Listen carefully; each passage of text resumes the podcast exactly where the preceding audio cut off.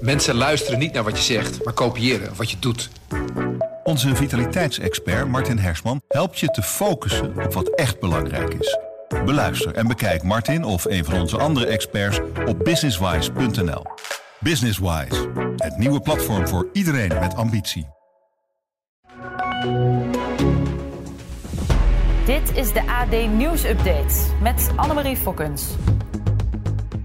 17 mannen staan vandaag terecht omdat ze seks hebben gehad met een 16-jarig meisje uit Eindhoven. In totaal zou de tiener meer dan 100 betaalde seksopdrachten hebben gehad. Shamir Keuleers is woordvoerder bij het Centrum tegen Kinderhandel en Mensenhandel. Hebben jullie überhaupt zicht op hoeveel meisjes nou slachtoffer zijn van die seksindustrie? Ja, eh, deze zaak is net iets anders, maar wanneer we kijken naar minderjarige eh, slachtoffers van seksuele uitbuiting, dat is mensenhandel, dan zegt de nationaal rapporteur dat er naar schatting 1300 slachtoffers eh, te betreuren vallen jaarlijks in Nederland. en de meeste daarvan blijven onzichtbaar. Ja, want van die mannen die vandaag terecht staan, had er maar één gevraagd om het identiteitsbewijs van het meisje. Verbaast jou dat? Uh, nee, helaas uh, zeg ik erbij, verbaast me dat uh, niet. Heel vaak gebeurt dat ook, ook niet. Dat kennen we ook uit andere zaken, bijvoorbeeld de Valkenburgse zedenzaak. Onlangs hebben wij ook een, een peiling gepresenteerd, waar we Nederlanders hebben gevraagd: wat vinden jullie nou van deze klant? -huh. Mhm. En 94% van de Nederlanders die zegt: ja, je moet altijd het identiteitsbewijs checken om, om te, ervoor te zorgen dat je weet dat het niet om een kind gaat, niet om een minderjarige. Ja. In de praktijk gebeurt dat nauwelijks. Maar wie is er wettelijk gezien verantwoordelijk voor de leeftijd van, uh, van zo'n meisje? Nou, de, de wet zegt uh, dat je altijd strafbaar bent als je betaalt voor seks met een minderjarige. En in dit geval is dat dus ook het geval. Het maakt niet uit of je het wist of niet, je bent altijd strafbaar. Um, en uh, helaas zien we dat uh, in de praktijk deze mannen vaak wegkomen met één dag en een taakstraf. Maar wij zeggen, er rust een enorme grote verantwoordelijkheid op de klant om, uh, om, om dit te checken. Want ja, als ja. je niet betaalt voor seks met een minderjarige, dan is er ook geen uitbuiting of seksueel misbruik. Nee, precies. Maar zij gebruikte ook een identiteitsbewijs wat van haar oudere zus was. Überhaupt had natuurlijk niemand ernaar gevraagd, dus daar ligt al de grootste fout. Maar in hoeverre kun je dat dan nog checken? Nou ja, kijk, uh, uh, ik begrijp dat inderdaad als ze een idee van haar zus had gebruikt. Eén man had er blijkbaar naar gevraagd, maar die had het niet eens gecheckt. Juist. maar toen begint het dus wel al, al bij. Natuurlijk, het is geen waterdicht systeem. Maar als je niet eens vraagt en niet eens de moeite doet om, om dit te checken, dan, dan laat het ook zien dat je van je verantwoordelijkheid niks af aantrekt. Ja. Nou, helemaal opvallend aan deze zaak was natuurlijk dat niet een pooier, maar het meisje, meisje zelf ook nog haar zaken regelde. Hè? Hoe heeft dat nou kunnen gebeuren? Ja, dat is heel triest. Ik zei al, deze zaak is net iets anders. Hè, want als er een derde bij betrokken is, dan spreek je over mensenhandel. Ja. Um, maar ja, ik ken, ik ken de specifieke feiten van deze zaak niet. Maar heel vaak zien we wel dat kwetsbare uh, meisjes vaker uh, hierin terechtkomen. Of ze hebben al een verleden bij jeugdzorg, of ze zijn licht verstandelijk beperkt, of ze hebben een instabiele thuissituatie. Ja, op zo'n plek kom je niet zomaar. Dit ga je niet zomaar doen. Nee. en, en daarom verdienen deze meisjes, maar ook jongens, die zijn er ook, onze bescherming. Ja. Ja, triest verhaal inderdaad. Nu wil het OM uh, stevig straffen uh, en daarmee dus ook een preventieve boodschap afgeven. Werken die hardere straffen ook echt? Nou, uh, als ze ook daadwerkelijk worden opgelegd, dan zijn wij daarvan overtuigd dat dat leidt tot een betere bescherming.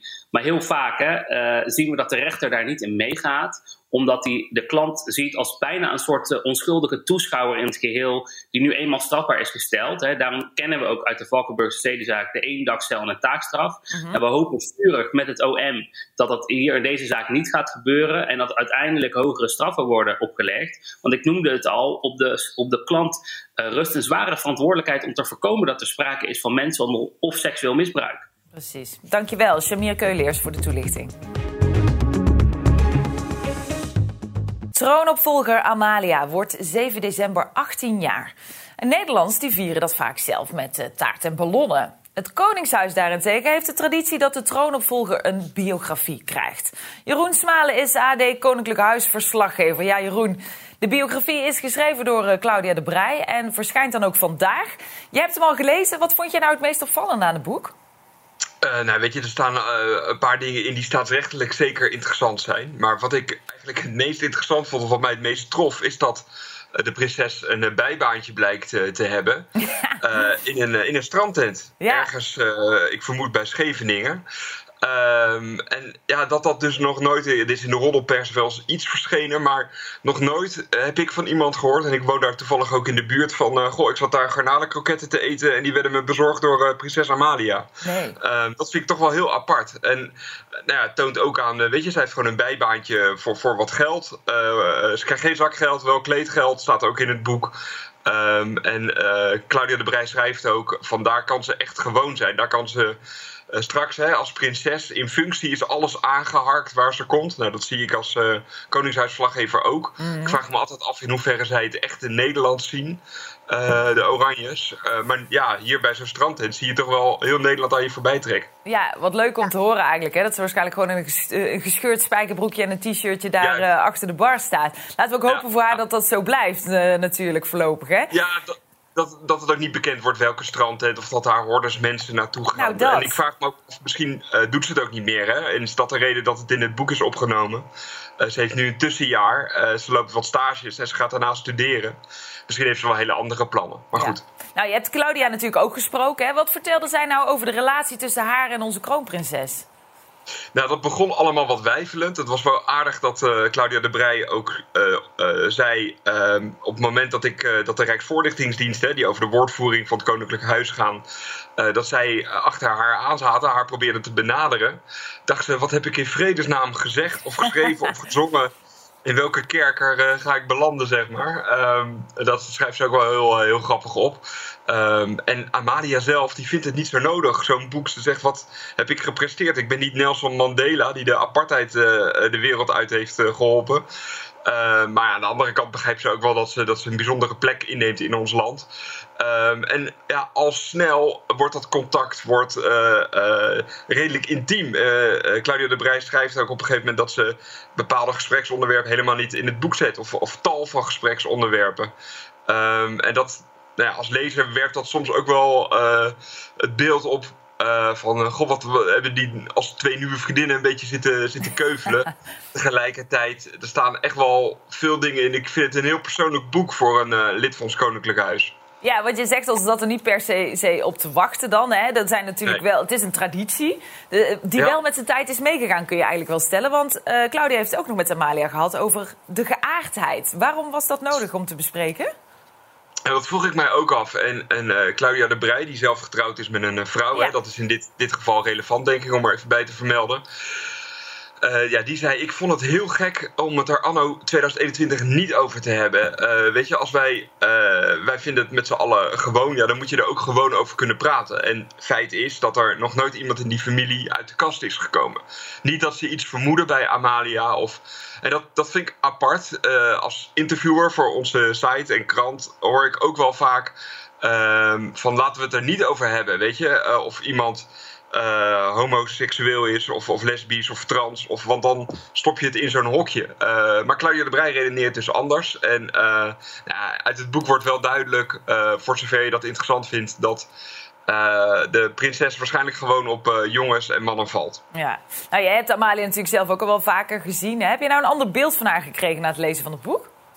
Nou, ik, het beeld wat ik had is wel, uh, is wel bevestigd. Um, ik had wel het idee van uh, een prinses die, die het serieus neemt wat ze gaat doen, maar daar ook nog heel weinig bij voor kan stellen. Nou, dat wordt echt wel duidelijk uit het boek. Dat ze is echt niet elke dag voorbereid op die toekomstige taak. Terwijl dat natuurlijk uh, ja, in een macaber voorbeeld over een maand al zover kan zijn. Hè? Ja. Um, en dus wat, ik, wat mij wel heel erg trof, was de humor van Amalia die daar uitspringt. Op een gegeven moment. Uh, nou ja, ze, ze, zit met Claudia de Brij in die strandtent te, te lunchen. En uh, de prinses staat erop dat zij dan betaalt. En dan staat ze op om te betalen. En dan zegt ze: Ik heb zoveel cash. Ik werk namelijk, uh, ik klus namelijk bij als stripper. Uh, en dat, ja, dat soort rare, rare grappen, dat, dat staat wel vaker in het boek. Ze is recht, uh, recht voor, de, voor zijn raap. Zoals haar ouders dat eigenlijk ook wel zijn. Ja. Op een gegeven moment stapt ze ook bij Claudia de Brij in de auto. En dan zegt ze, jeetje, wie heeft hier gezeten? Omdat het daar een enorme rotzooi is door de, de zoon van Claudia de Brij. en uh, ze zegt het gewoon allemaal. Ja, oh heerlijk. Nou, we moeten hem dus gaan lezen als ik jou zo begrijp. Denk het wel. Oké. Okay. Ja. Jeroen Smalen, dankjewel. Het hele interview jo. met Claudia de Brij is te lezen op onze site. Over precies een jaar gaat het WK voetbal in Qatar van start. De omstandigheden voor arbeidsmigranten zijn nog niet genoeg verbeterd. Dat concludeert Amnesty International in een nieuw rapport. We praten erover met Ruud Bosgraaf. Hij is woordvoerder van Amnesty International. Ruud, jullie zijn natuurlijk al jaren bezig uh, met deze kwestie. Is er nou helemaal niks verbeterd? Jawel, er is uh, vooral heel veel verbeterd door, uh, door de internationale druk die er al jarenlang is. Mm -hmm. Uh, op papier, in wetgeving, zeg maar. Er is bijvoorbeeld een minimumloon ingesteld. je mag van werkgever veranderen, wat niet normaal is in, in Qatar. er is een soort systeem, dat noemen ze het sponsorship-systeem, waarbij je eigenlijk volledig van je werkgever afhankelijk bent. Dus op papier zijn er wel verbeteringen. Maar het grote probleem, en daar gaat dat rapport van ons vandaag over, is dat er in de praktijk nog veel te weinig van, van terecht komt. En dat komt omdat werkgevers zich eigenlijk niet aan die nieuwe regels uh, houden. Nog steeds wordt een loon te laat uitbetaald of niet volledig uitbetaald. Je kunt geen lid worden van een vakbond. Je kunt eigenlijk nauwelijks van werkgever veranderen. Of als je naar huis zou willen, dan kan dat vaak niet. Dan is je pa paspoort ingenomen.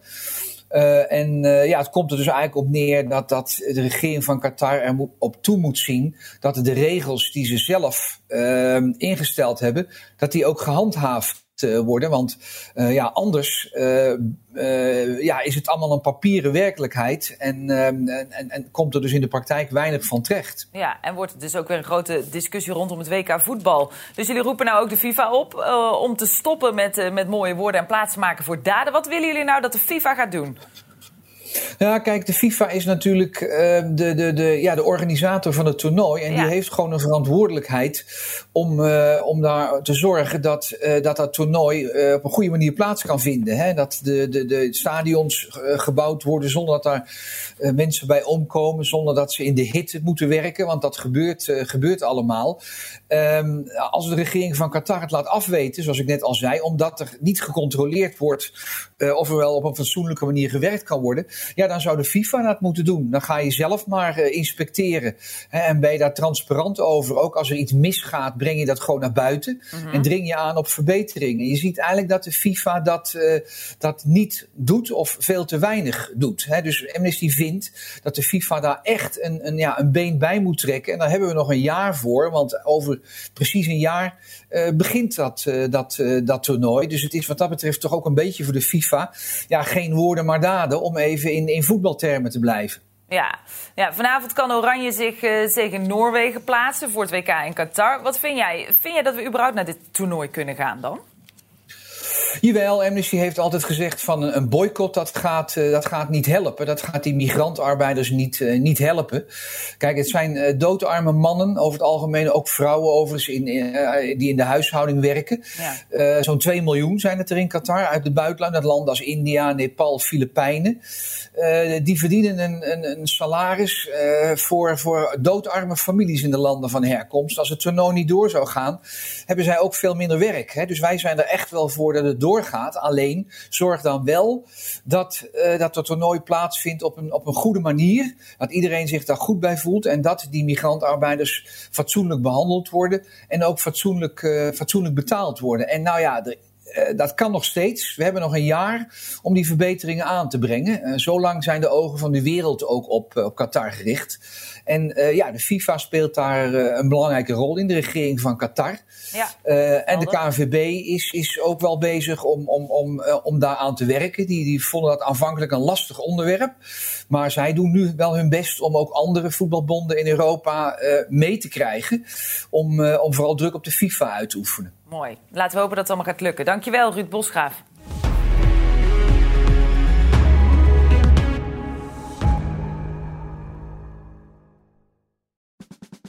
Luister ook naar onze podcast Politiek Dichtbij. In een half uur praten we hierbij over de stand van zaken op het Binnenhof.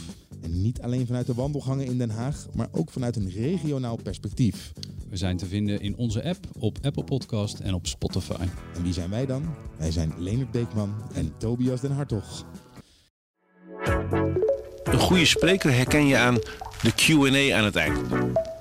Onze lifehack-expert Martijn Aslander geeft je adviezen waar je echt wat aan hebt. Beluister en bekijk Martijn of een van onze andere experts op businesswise.nl. Businesswise, het nieuwe platform voor iedereen met ambitie.